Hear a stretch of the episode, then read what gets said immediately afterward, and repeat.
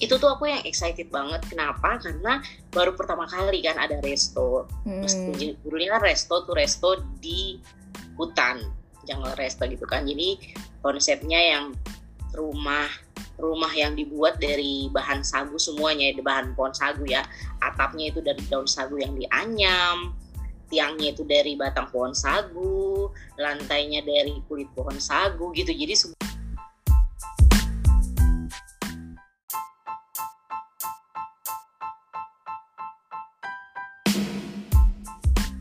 ini pakai pewarna tuh gimana? Sampai hitam. Enggak ini satu warna ikan gabus ini hitamnya dari daun bete gitu. Jadi daun Ah. betenya jadi lembut segar terus tekstur warnanya memang udah agak memudar karena warna Ah. hitamnya diserap sama ikan gabus gitu.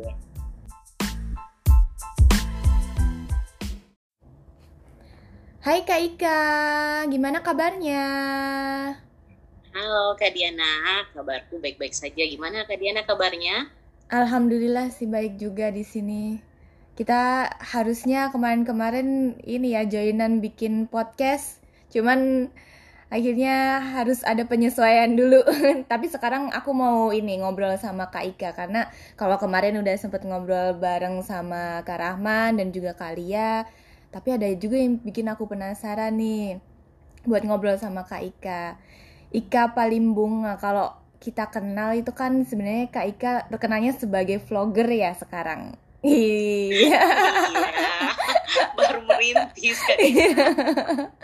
Tapi keren banget kok itu video-video yang udah diupload aku selalu nonton, udah subscribe, like, komen. Eh komen belum sih, baru subscribe sama ini like. Ntar deh kalau misalkan eh, video yang terbaru aku pasti bakal komen. Dan kebetulan tadi pagi juga ternyata kan Kak Ika baru upload video tentang hutan sagu ya.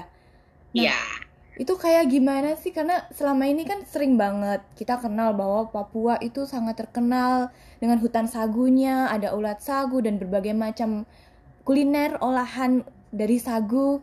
Itu yang menarik apa aja sih, Kak Ika? Mungkin bisa diceritain gitu. Oke, makasih Kak Diana. Jadi kalau eh, terkait dengan vlog tadi yang barusan aku upload Mm, itu mm, mm. tentang Jungle Resto. Nah, jadi kemarin tuh kebetulan diundang untuk hadir dalam soft opening Jungle Resto. Nah, di sini tuh langsung dipelopori sama Papua Jungle Chef. Jadi kalau teman-teman bisa lihat Charles Toto itu udah terkenal banget sampai ke tingkat internasional juga. Jadi Hmm. Uh, Kak Charles Toto ini yang menginisiasi kuliner lokal Papua. Jadi dia punya konsep itu memang benar-benar back to nature. Jadi apa pun yang dimasak dan diminum itu semua bahannya diambil dari hutan. Itu itu konsep yang menarik banget ya. Jadi Iya, iya. benar-benar dia mem- memperhatikan kearifan lokal hutan di Papua. Jadi itu yang menarik banget pas datang ke sana itu tuh tanggal kemarin bulan Oktober sih bulan Oktober ini. Itu tuh aku yang excited banget. Kenapa? Karena baru pertama kali kan ada resto. Hmm. Dulunya kan resto tuh resto di hutan jungle resto gitu kan. Jadi konsepnya yang rumah rumah yang dibuat dari bahan sagu semuanya bahan pohon sagu ya. Atapnya itu dari daun sagu yang dianyam tiangnya itu dari batang pohon sagu lantainya dari kulit pohon sagu gitu. Jadi semua bahan dasar pohon sagu itu dari dari daun batang hingga uh, kulitnya juga tuh digunakan gitu. Nah dari pati sagunya itu dibuat jadi olahan sagu. Terus ada sate ulat sagu sate ulat Iya. sagu itu yang yang di apa, video, pohon aduh. sagu iya ge- gerak-geraknya tuh kan jadi aku tuh yang kumpulin nyali Hah? bener-bener harus berani makan eh, sate ulat sagu meskipun ini udah dibakar ya Heeh. apalagi sensasinya sih katanya lebih lebih dapat itu kalau makan ulat sagu yang masih hidup jadi ulat sagu itu diambil dari pohon sagunya langsung jadi untuk dapetin pohon eh, alut ulat sagunya ini juga nggak nggak mudah loh jadi pohon sagu yang telah ditokok itu didiamkan selama 2 sampai tiga bulan Hmm, sampai muncul ya? ulat sagu ini mm. Ah, ah. Jadi istilahnya dibusukkan gitu sampai ada ulat sagu ini.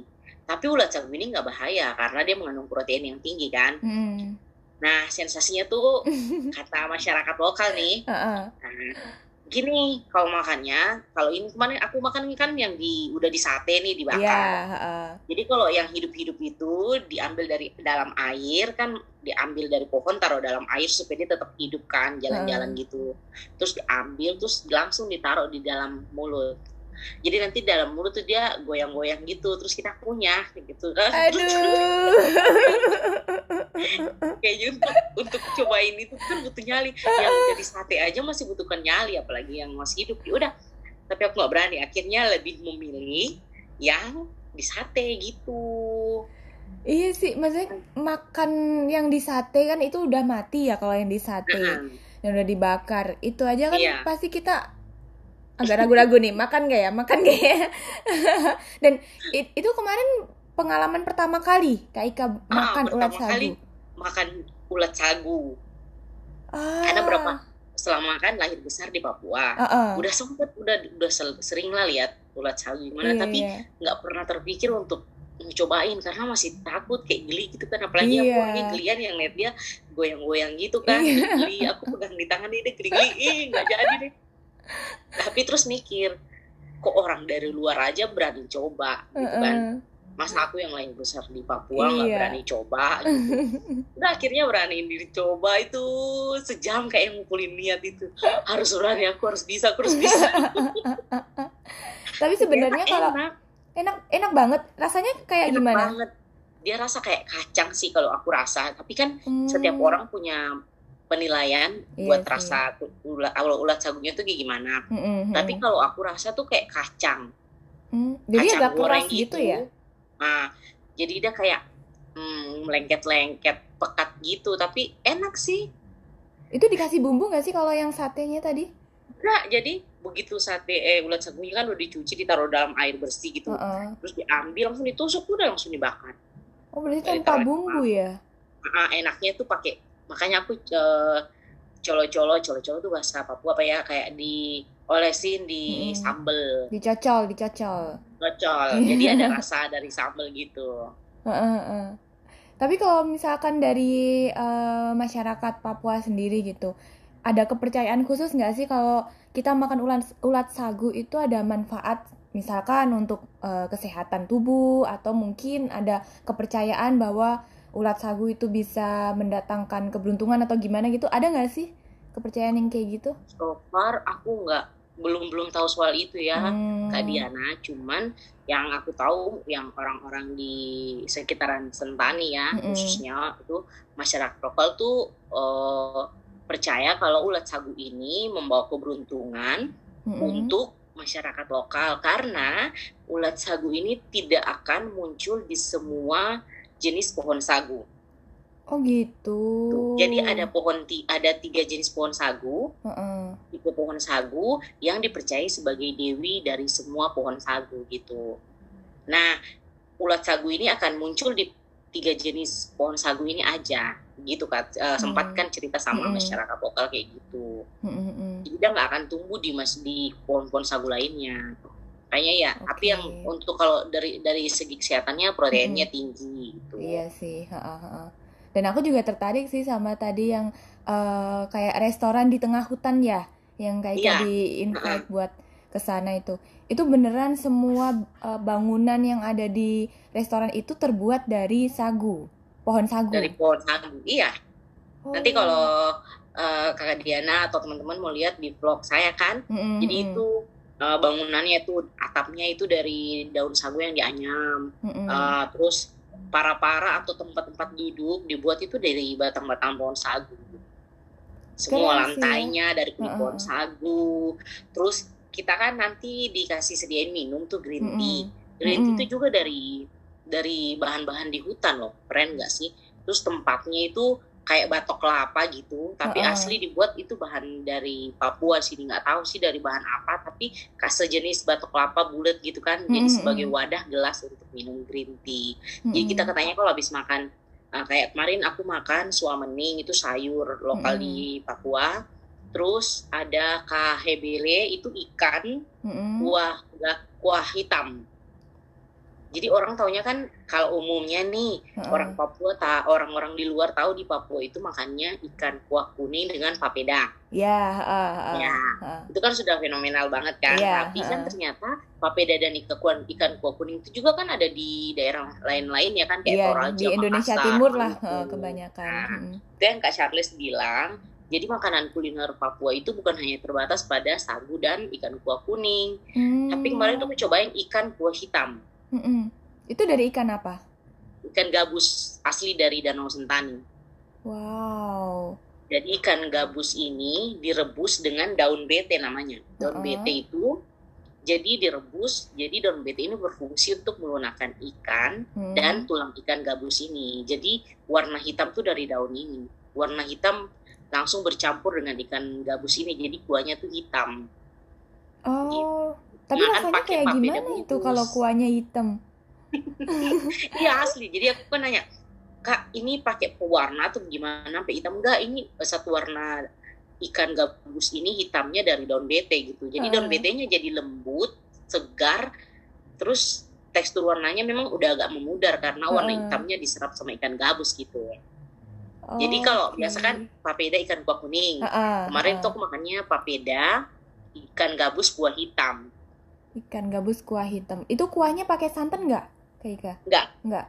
Jadi, Jadi- cuman air, ikan dengan daun bete taruhin garam. Cuman gitu doang. Nah, dia nggak pakai kayak kita masak yang masak Iya, penyedap iya, iya. enggak, memang asli. Bahkan mungkin kalau itu kan makan paling untuk perasa ya garam. Mm-mm. Kalau kayak green tea kemarin tuh aku minum itu yang sebagai penetralisir karena kita udah makan ikan, udah makan Hmm. ulat sagu. Jadi Kak Charles Toto ini punya konsep green tea itu sebagai minuman uh, ciri khas di hutan itu. Gitu. Eh, Kak Charles Toto ini beliau chef atau gimana di Papua? Ah, di ah, di disebutnya tuh Papua Jungle Chef.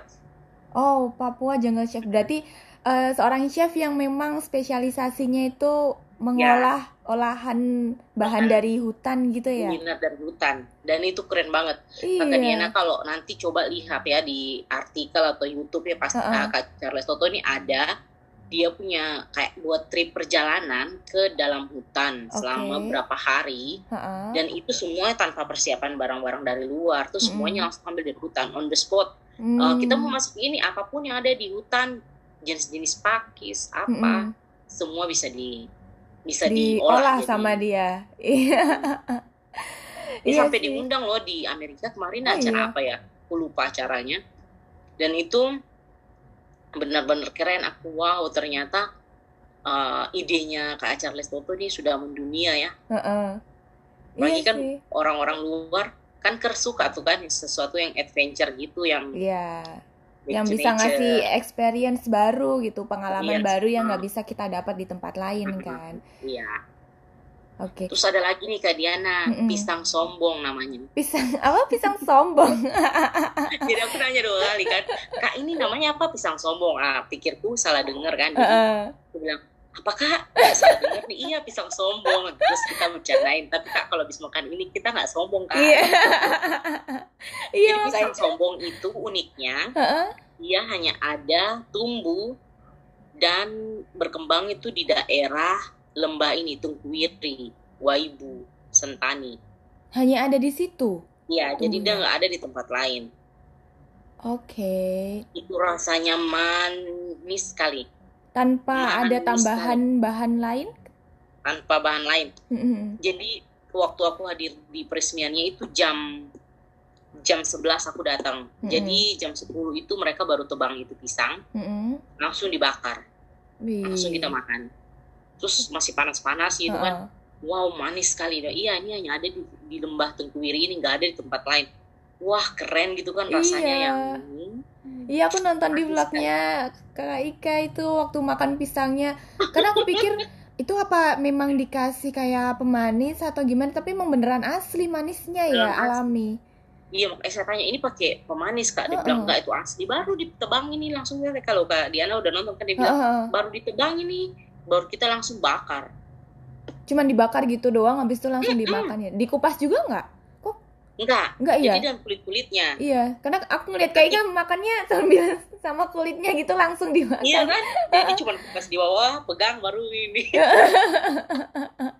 Seru. Terus satu lagi ada namanya O.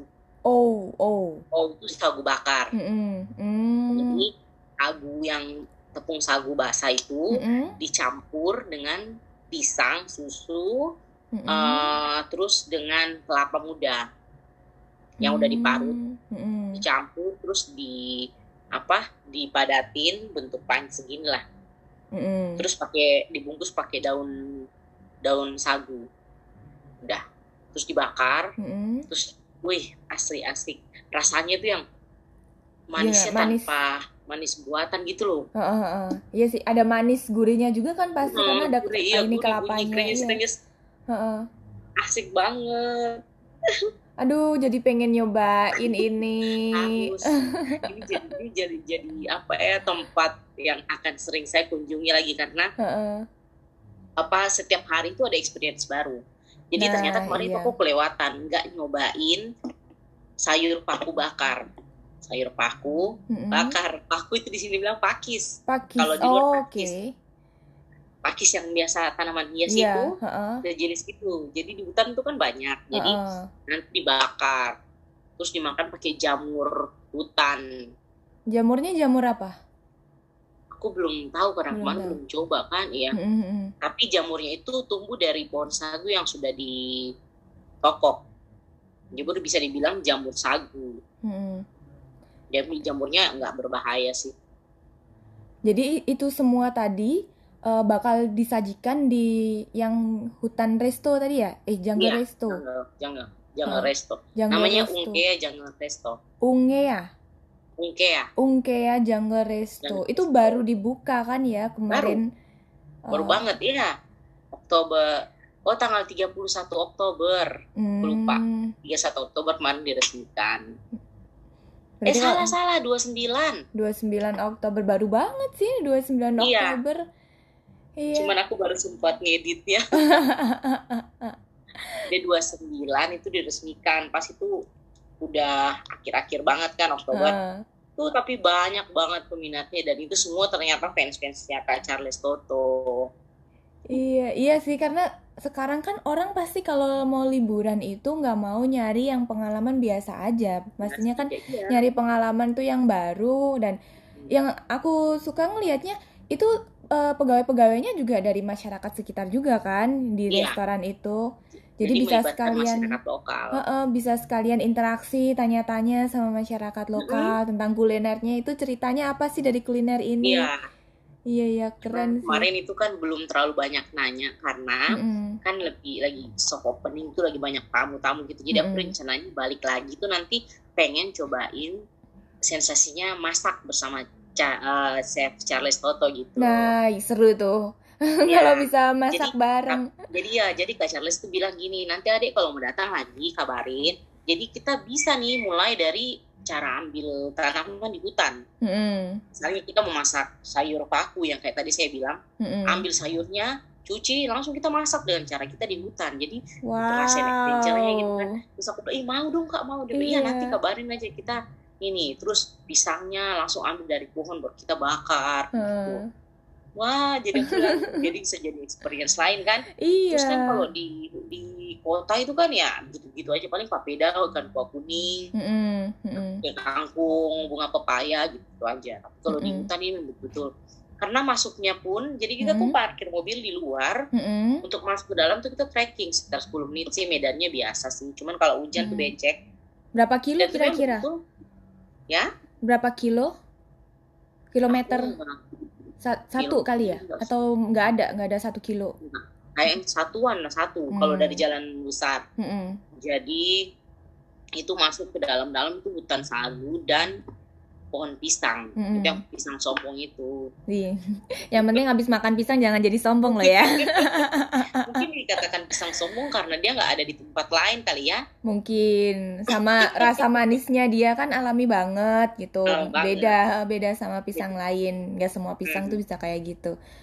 jadi nanti aku pengen nanya sih asal usulnya nama pisang sombong tuh dari mana Mm-mm. kenapa Gitu kok kan? disebut sombong iya kenapa disebut pisang sombong gitu kan lucu sih terus kemarin tuh papedanya papedanya dibungkus pakai daun daun apa ya namanya daun sagu Mm-mm. yang udah dianyam gitu kan Mm-mm. terus banyak hal lah yang menarik pokoknya in- eh, intinya konsepnya Kak Charles Toto ini bagus karena dia melibatkan masyarakat lokal juga kan Mm-mm. jadi Iya. dalam artian kan oto- otomatis mendukung pariwisata berbasis masyarakat kan Mm-mm, pariwisata berkelanjutan jadi eh, teman-teman yang datang wisatawan yang datang kan jadi tahu oh ini ada wisata baru yang bukan biasa-biasa aja tapi ini yang Mm. kesannya luar biasa karena Mm-mm. kita Hmm. menggunakan bahan-bahan alami yang ada di hutan gitu jadi yang dilibatkan Kak Charles juga ini masyarakat lokal di sekitar. Jadi mereka juga dapat penghasilan tambahan kan Iya. dari wisatawan yang datang gitu.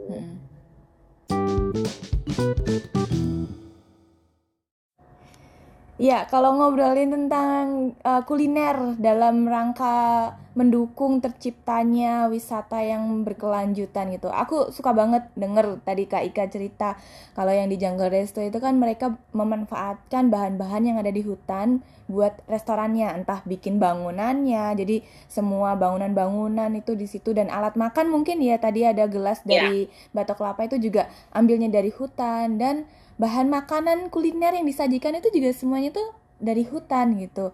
Itu keren banget sih kalau menurutku. Nah, menurut Kak Ika seperti itu tuh bisa nggak sih bis- eh, mendukung terciptanya pariwisata yang berkelanjutan? Karena kan impactnya dia nggak cuman ke restorannya sendiri, tapi juga ke masyarakat sekitar dan juga hutan sebagai sumber daya mereka dalam eh, melakukan bisnisnya kuliner. Iya Kak Diana. Jadi kalau eh, dibilang wisata ini berdampak buat pariwisata berkelanjutan, setuju Hmm. banget. Hmm. Karena dengan adanya eh, wisata kuliner, apalagi yang dikembangkan, dikemas dalam eh, dibilang cara yang tidak biasa, tidak seperti biasanya ya, lebih Mm-mm. unik gitu kan. Iya. mengenalkan wisatawan atau masyarakat luas tentang apa sih hutan sagu dan apa Hmm. hutan sagu bagi masyarakat lokal itu artinya kayak gimana. Jadi dengan wisatawan tuh semakin ramai sekarang oh. Baru belum satu bulan aja ini sudah sekitar 500-an orang yang datang ke sana. Jadi Mm-mm. otomatis kan menjadi sumber penghasilan tambahan kan bagi masyarakat lokal yang membantu di situ kan Mm-mm. timnya Papua Jungle Chef ini kan punya tim khusus yang meramu makanan, meramu minuman dalam hutan kan. Mm-mm. Nah otomatis kan eh, pariwisata tetap jadi berkembang kan, Mm-mm. bertambah. Salah satu destinasi yang ada di Jayapura jadi bertambah. Otomatis kan orang datang ke Jayapura bukan hanya mungkin yang rencananya sehari dua hari, Mm. tapi lihat ada konsep resto ini kan, jadi Iya. penasaran kan resto ini kayak gimana gitu kan Mm-mm. dan rasa lucunya gini kemarin Kak Diana ada kan mungkin dia lihat konsepnya jungle resto resto kata resto yang dia perhatikan dia masuk dia nggak tahu mungkin konsep medannya bagaimana dia pakai heels dong 5 cm Oh my god. dia masuk dia masuk terus ada satu kakak bilang gini mbak mbak pakai heels masuk ke hutan. Mbak punya heels tak tanam di. Orang Papua bilang mbak punya heels tak tanam di ini pecek-pecek nanti jadi mbak mendingan lepas Karena yang nancep kan. nancep ntar. dia nggak dia mungkin dia dia cuma kata jungle resto jadi dia berpikir kalau yang jalannya mungkin sudah aspal atau berkeramik ini kayak- mungkin mikirnya adalah restoran modern yang Hmm, disetting yang di seperti di jungle gitu. Padahal ini di hutan Ya. beneran. Terus aku nanya gini, jungle eh, restonya di mana? Dia bilang dalam hutan. Aku saja, wow, itu aku pakai sendal teplek loh. Iya. Nggak pakai sendal, nggak pakai sendal gunung. Karena Heeh. pikirku juga ah hanya di pinggir jalan gitu. Ternyata, eh memang sensasinya dapat lebih dari ekspektasiku tuh realitanya lebih bagus gitu kan. Wow, Hmm. ternyata masuk hutan sagu gini-gini. Kita bisa lihat pohon sagu, pohon pisang, pisang sombong itu gimana kan? Terus terus eh, aku bilang gini ih kalau kalau kayak gini nih orang-orang yang datang ke Papua tuh bakal stay lebih lama otomatis kan berdampak juga kan ke Mm-mm. masyarakat lokal gitu kan bahkan aku kasih usul kalau buat homestay yang sederhana aja sih di Mm-mm. sekitar situ asalkan dijamin keamanannya kan kenyamanannya gitu kan Hmm. Nah, otomatis kan bisa menambah masyarakat punya penghasilan terus pariwisata berbasis masyarakat kan Mm-mm. masyarakat lokal di sekitar bisa dapat uh, dampak lah dari pariwisata ini dan tentunya dampak yang positif gitu Mm-mm. Berarti terus kalau kalau kenapa kalau masyarakat lokal itu kan mereka ke- memang sudah punya kemampuan dalam kayak menserving konsumen atau memasak atau memang ketika restoran itu baru mau dibikin mereka itu dikasih pelatihan gitu sama manajemennya restoran. oh enggak Enggak. itu mereka kayaknya berbasis dengan kayak keluarga gitu ya jadi Oh, ini sudah ada sejak sejak yang kak Charles ini jadi chef Mm-mm. itu jungle chef itu sudah dia mereka mereka sudah kayak satu tim gitu Oke. jadi ya kak Charles yang menjamu tamu Mm-mm. Menjelaskan tamu yang baru banget ini ini ini makanan ini ini namanya ini jadi eh, papeda bungkus dimakan pakai ikan gabus buah hitam dicampur dengan sambal ulat sagu gitu jadi Mm-mm. mereka yang eh, ini kayak mama-mama gitu kan mama-mama Mm-mm. dan kakak-kakak yang perempuan itu yang tugas untuk masak gitu Hmm, jadi Jadi memang nanti ada bapak-bapak yang mengarahkan mungkin tamunya nih orang yang uh, sudah dewasa dan Heeh. suka makan pinang, mereka mengarahkan ke pinang gitu. Terus yang mengambil minum gitu. Jadi dalam dalam konsepnya mereka tuh yang benar-benar tertata gitu loh. Jadi Mm-mm. dari masak, dijamu di depan, minum, Mm-mm. duduknya juga di para-para atau kursi-kursi kayu gitu. Mm-mm. Jadi keren banget. Berarti eh, destinasinya itu yang mengelola memang benar-benar pure masyarakat lokal gitu ya, bukan Iya. ada eh, investor atau mungkin orang dari luar Papua yang punya bisnis di situ, enggak ya? Oh, Tidak keren ya. dan karena gini loh ini kalau kalau di Papua kata Mm-mm. Diana jadi hutan Hagu itu merupakan kawasan wilayah adat Oh iya sih, jadi iya. nah, ah, jadi nggak akan bisa sembarang orang untuk masuk dan apalagi buka usaha di situ jadi Mm-mm. kalau dia masuk eh, ke Charles ini masuk di sini berarti itu daerah eh, daerah adatnya gitu Oke. gitu Iya, iya, iya. Berarti keren juga ya, maksudnya mereka itu memang sudah punya inisiatif sendiri buat Inisiatif, bikin ya. sesuatu dan mereka tahu apa yang harus dilakuin gitu, terutama Bukannya. ketika menjamu tamu ada tamu mulai datang nih konsumen datang menu apa dulu yang ditawarin kayak gitu Iya, kan gitu Heeh. jadi serunya pas datang yang tersedia itu kan baru pisang sombong Pisang sombong kan sebagai cemilan pembuka gitulah oh. appetizer appetizer ya Jadi kita makan pisang sombong, Heeh. terus diarahkan tuh, oh itu mama-mama di sana lagi bakar ulat sagu, bakar sagu bakar, terus bakar pape apa dipanasin papeda dingin yang tadi udah Mm. dibungkus kan, dipanasin gitu. Jadi ah, yang benar-benar yang kita bisa lihat, oh cara masaknya tuh kayak gini. Gitu, Jadi kalau Mbak Diana. menurut eh, Kak Ika tuh seberapa besar sih peranan wisata kuliner di Papua secara umum lah ya, secara general buat keberlangsungan pariwisata, industri pariwisata yang ada di Papua? kalau untuk sekarang, Mm-mm. maksudnya uh, honestly ini kalau Iya. seandainya uh, pariwisata apa kuliner khususnya Mm-mm. kuliner mendukung pariwisata gitu ya Mm-mm. pariwisata lokal seperti konsep yang diterapkan ini yang berba uh, back to nature jadi Mm-mm. alam ya kembali ke alam gitu Iya. pastinya akan lebih mendukung dan banyak diminati gitu tapi kalau cuman uh, wisata yang biasa-biasa saja kan orang bilang di luar sana bakal lebih bagus ya gitu Iya, misalnya kalau cuma sekedar daerah-daerah restoran lain. gitu doang ya. Tapi- Mm. Mm-mm, tapi ide yang gini nih yang cemerlang karena Mm-mm.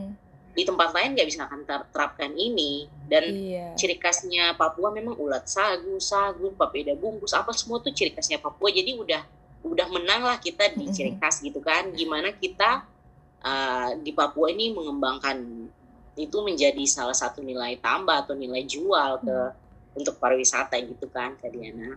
Jadi in- eh, Papua tuh sebenarnya udah punya unique selling point kalau masalah Ah, wisata selling kuliner. Iya. banget. Bahkan Iya. sempat saya bilang gini, semua yang di Papua itu bisa jadi bisa jadi uang karena apa? Alamnya Hmm, indah, bener. iya kan. Terus Mm-mm. bahan-bahan lokal kayak pohon eh pohon sagu aja kan itu itu kemarin konsepnya dibilang juga uh, hutan sagu dan hutan sagu sagu dan manfaatnya. Mm-mm. Jadi dari sagu kita belajar pohon sagu ini nggak ada satupun yang kita buang. Pohonnya Hmm. eh, atau apa daun daunnya dijadikan atap, tiangnya dijadikan tiang rumah, kulitnya jadikan at- lantai rumah dan itu Bisa ya? tahan 10 sampai 15 tahun. Wow. Makanya, Nah, makanya- eh, bisa dipakai buat bangun bangunan yang ada di restoran tadi ya. Iya, bahkan Iya. tempat-tempat duduknya itu kursi-kursinya itu dari kayu dari eh, pohon sagu terus saya bilang, "Oh, berarti kayak gini ya dulu konsepnya." Terus ada mama itu bilang, "Iya, anak, itu dari dulu kita punya rumah itu dari semua pohon sagu." Se- Bertahan berapa lama mama tahu 10 sampai 15 tahun. Hmm. Dia bilang, "Cuman sekarang saja yang orang sudah bergengsi jadi beli kayu, kayu Iya. sekubik 5 juta misalnya." Iya. kita dulu pakai eh, pakai pohon sagu saja ada punya tiang terus nanti paling 10 tahun sudah lapuk ya kita sisihkan kayu sagu apa batang pohon sagu yang terbaik lagi baru kita ganti gitu saya pikir ya, makanya saya bilang mama coba ya kalau di sini ada dibuat apa semacam satu ru- rumah contoh terapan dari hutan sagu itu Nah, jadi iya, ketika benar. masyarakat lokal makan cip-cip kuliner sagu Heeh. jadi tahu oh ternyata replikanya rumah sagu tuh kayak gini gitu bisa jadi Iya. spot foto juga kan Iya, iya. Hmm. Iya mirip-mirip kayak ini yang di Desa Sade itu kan biasanya banyak banget Iya. juga kan replika eh, rumah-rumah adat atau rumah-rumah Mm-mm. tradisionalnya Lombok gitu. Mm-mm, lombok gitu jadi Iya. ini eh, jadi kan betul-betul ada bayangannya masyarakat oh ternyata tuh kayak gini gitu kan dia punya makanan kuliner gini jadi akan diingat satu konsepnya oh ini makanannya begini rumah adatnya kayak begini gitu kan Mm-mm, mm-mm. nah atau dibuat yang di rumah sagu ini dibuat atapnya honai gitu kan pasti unik mm-mm. apalagi di dalam hutan itu adem banget Iya. cuman sayangnya itu kemarin banyak lalat karena katanya di sebelah dari hutan itu ada yang buat peternakan ayam Oh. kasihan jadi dampaknya ke melihat makanan itu mereka lalatnya kerumun Iya. gitu kan makanya nanti mungkin dicarikan uh, salah satu antisipasi kan untuk Mm-mm. lalatnya nggak tambah banyak kalau wisatawan datang kan geli gitu kan ya. Oh, berarti ada ada peternakan ayam di deket ini restoran. lokasinya katanya itu. deket tapi saya juga nggak lihat cuman Mm-mm. uh, di kakak itu bilang iya memang ada di deket-deket situ baru-baru Mm, aja gitu mm-mm. jadi masih Hmm. lalatnya itu yang wuh banyak sekali Ya mungkin ini sih kalau yang kayak gitu kan eh, salah satu tantangan juga buat tim manajemennya Jungle Resto kan. Mungkin Iya. bisa diajak ngobrol juga eh, masyarakat lokal yang punya Masyarakat lokal. eh, Mm-mm. punya tempat apa kandang ayam itu peternakan ayam atau bahkan kalau misalkan bisa diajak kerjasama kali aja ada yang bisa diolah dari ayam-ayam Ayam. yang di dekat situ ya kan Iya ayam ayam ini apa aku pikir ayam bakar isinya bulat sagu. Iya kan kali aja ada inovasi kuliner baru gitu dengan menggabungkan konsepnya hutan sagu, olahan dari hutan sagu Ah, sama dengan ayam, gitu. ya. Iya. Mungkin ayam yang disuir-suir diselipkan di sagu bakar. Bisa jadi, bisa jadi. Jadi kalau ngomongin tentang wisata kuliner, gimana caranya kuliner itu juga bisa mendukung pariwisata berkelanjutan sebenarnya potensinya gede banget juga ya kak. Udah banget. Iya, Iya. benar kan ya.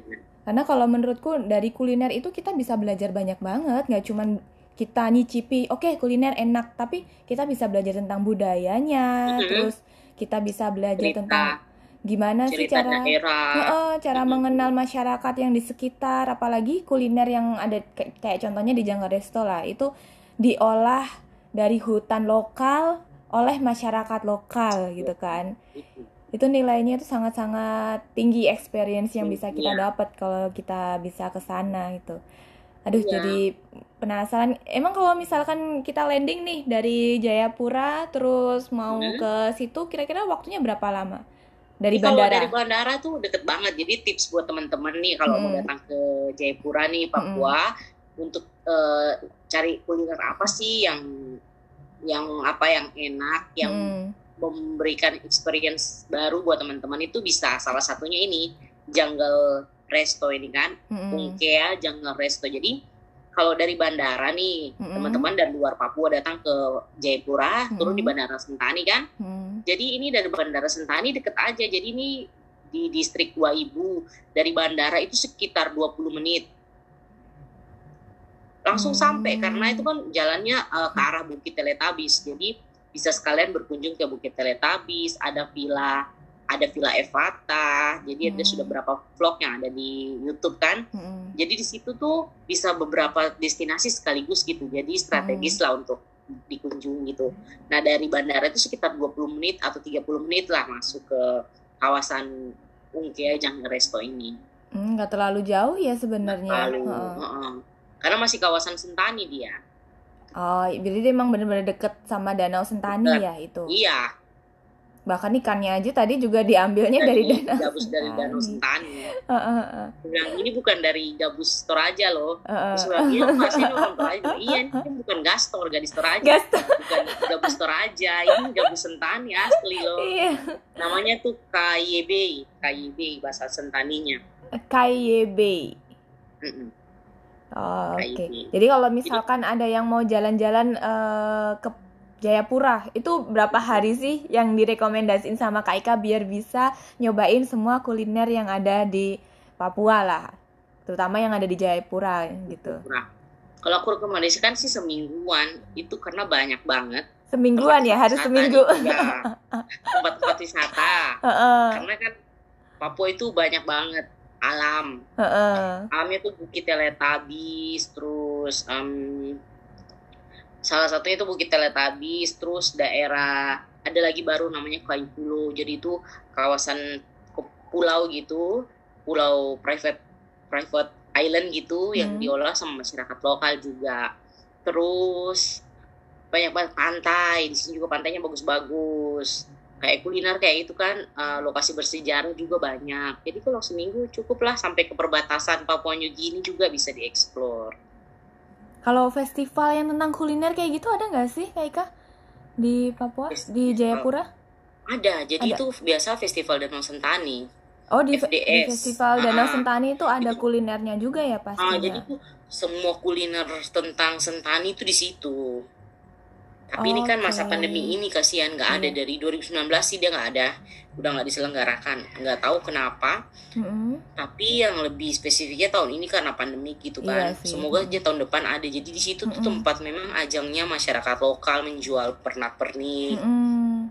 pernak-pernik yang dari eh, tanaman-tanaman eh binatang-binatang di laut itu kayak macam kalau di sini bilangnya bekel di sana apa ya kayak keong Bekel. gitu loh keong kecil Oh iya kali yang ini yang apa ditiup-tiup itu.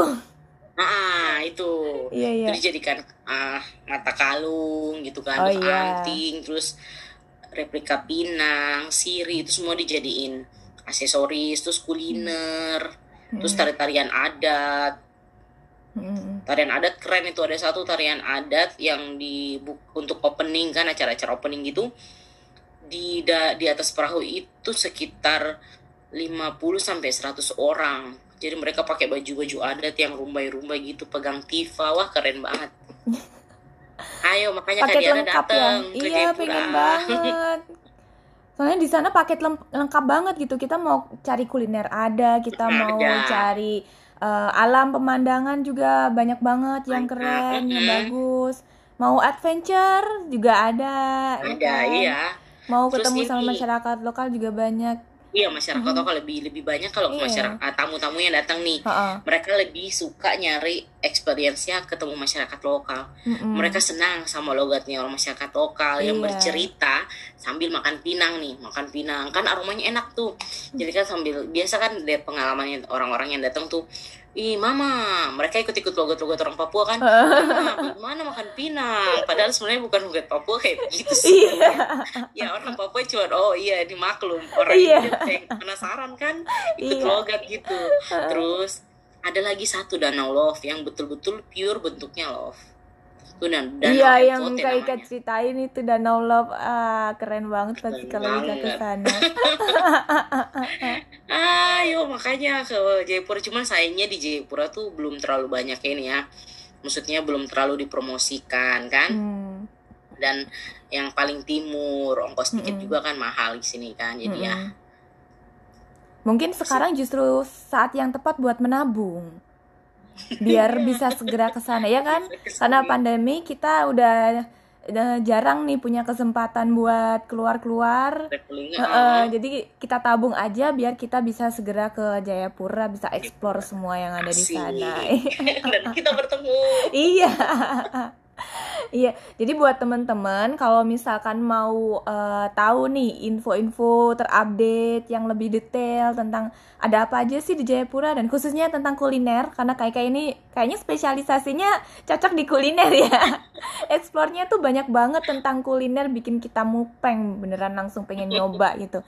Itu harus cek YouTube channelnya Kak Ika di mana Kak Ika? YouTube channelnya? Ika paling bunga Ya, search aja Ika paling Ika bunga. paling bunga iya Ntar di subscribe, like, sama komen gitu. Komen. Itu biasanya update-nya berapa ini kali seminggu gitu? Sekali biasa seminggu atau? seminggu sih dua kali kalau memang lagi sibuk banget paling sekali lah sekali Iya. seminggu tuh pasti ada video karena Hmm. aku kan bukan buat buat konten yang kayak yang kuliner kuliner biasa. Aku lagi spesifiknya yang ke Papua kan? Mm-mm. jadi kuliner tradisional kuliner lokalnya kayak gimana atau sesuatu yang berbau unsur lokal dari Papua gitu. Mm-mm. karena ini aku pikir ini bisa membantu promosi pariwisata yang ada di Jayapura.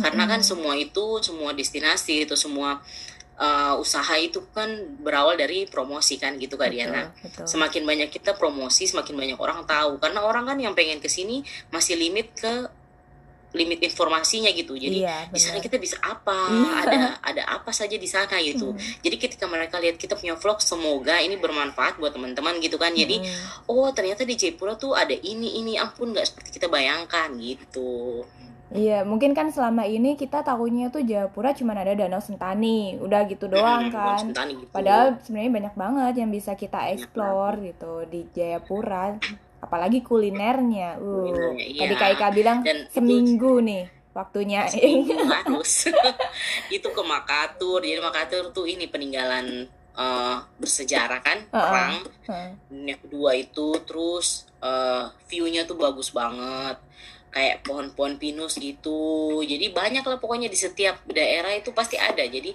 kalau pantai itu bagusan di daerah Besji itu daerah Dok 9 jadi itu daerah kota ya itu semua pantai di situ. Terus sekarang sudah banyak konsep pantai yang nuansa Bali seperti di La Plancha tuh yang Hmm. beanbag warna-warni gitu. Ah.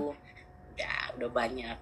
Dan aku seneng banget terus ya dulu tuh aku mikir kak Jayapura ini punya potensi tapi kapan bisa kayak destinasi lainnya gitu Mm-mm. kota lain gitu Mm-mm. eh ternyata semua sekarang semua sudah mulai bermunculan sudah mulai Hmm. sadar oh pariwisata ternyata berpotensi loh meningkatkan penghasilan gitu Udah mulai semangat buat bareng-bareng ngembangin semangat, industri iya. pariwisata. dan hal kecil aja kayak misalnya Bukit Jokowi padahal Hmm, Jokowi iya. kan Bapak Jokowi hanya datang lihat oh pembangunan jembatan merah spesifik tempatnya kayak gini Heeh. dan diancangkan ih tempat ini bagus buat wisata dan Bapak Jokowi kan sempat kan ngobrol dengan masyarakat lokal akhirnya di situ dibuat Bukit Jokowi gitu kan jadi Iya. sebenarnya tempat yang biasa Mm-mm. tapi diinisiasi sama orang yang hebat Mm-mm. dan masyarakat lokal yang support iya. untuk itu jadi akhirnya jadi kan destinasi Iya. wisata itu Iya, bener sih.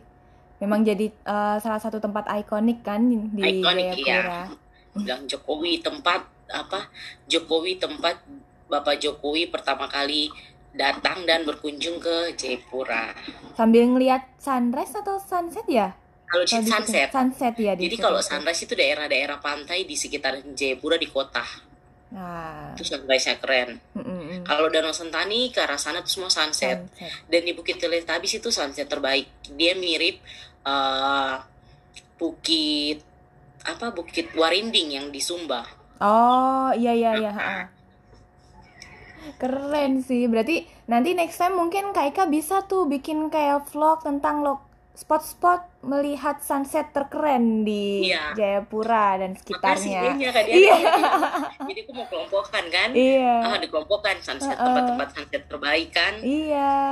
Jadi orang-orang kalau misalkan mau ke sana, aduh pengen lihat sunset nih, kan udah alokasi waktu seminggu kan di Jayapura. Nah tiap hari tuh mau ngeliat sunset yang beda-beda Ah, di mana? Ah. aja gitu. Jadi kalau di di nuansa restoran itu Ha-ha. Sentani Purnama San- Sentani Purnama Resto itu Hmm. itu di resto. Kalau di pegunungan atau di perbukitan tuh yang tadi Sentani di Bukit Teletabis. Iya ya bener ya. Jadi mereka punya gambaran kan. Oh nanti saya akan Iya. ke mana aja dapatin sunset gitu ya. Iya bener. Good idea.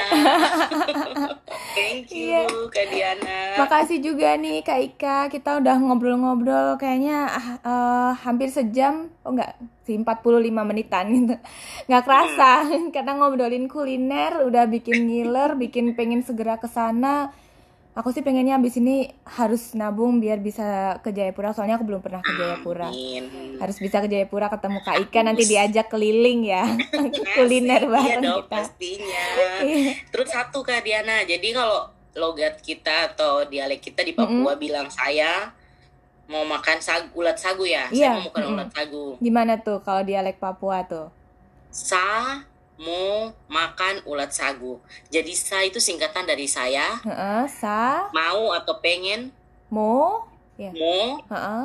Makan tetap makan, ulat Makan sagu ulat tetap ulat sagu. sagu. Jadi sa mau makan ulat sagu. Makan ulat sagu. Iya. Tapi nanti Jadi ditemenin kakak Ika ya kalau sa mau makan ulat sagu. kamu makan ulat sagu itu juga jadi kalau saya mau makan papeda Heeh. gitu saya mau makan apa jadi intinya kayak depan-depannya diganti kan saya mau Heeh. makan gitu Oh, oke oke oke keren. Jadi saya tunggu kok di Jayapura eh Iya, bi- karena sa mau makan ulat sagu eh. Iya. Oke, makasih banyak Kakak Ika. Kita bakal ketemu lagi ya next time kalau ada cerita-cerita seru lagi tentang Papua nanti bisalah kita create konten bareng lagi. asik Iya. ya Oke. makasih Kak Iya, Diana thank you Kak Ika. thank you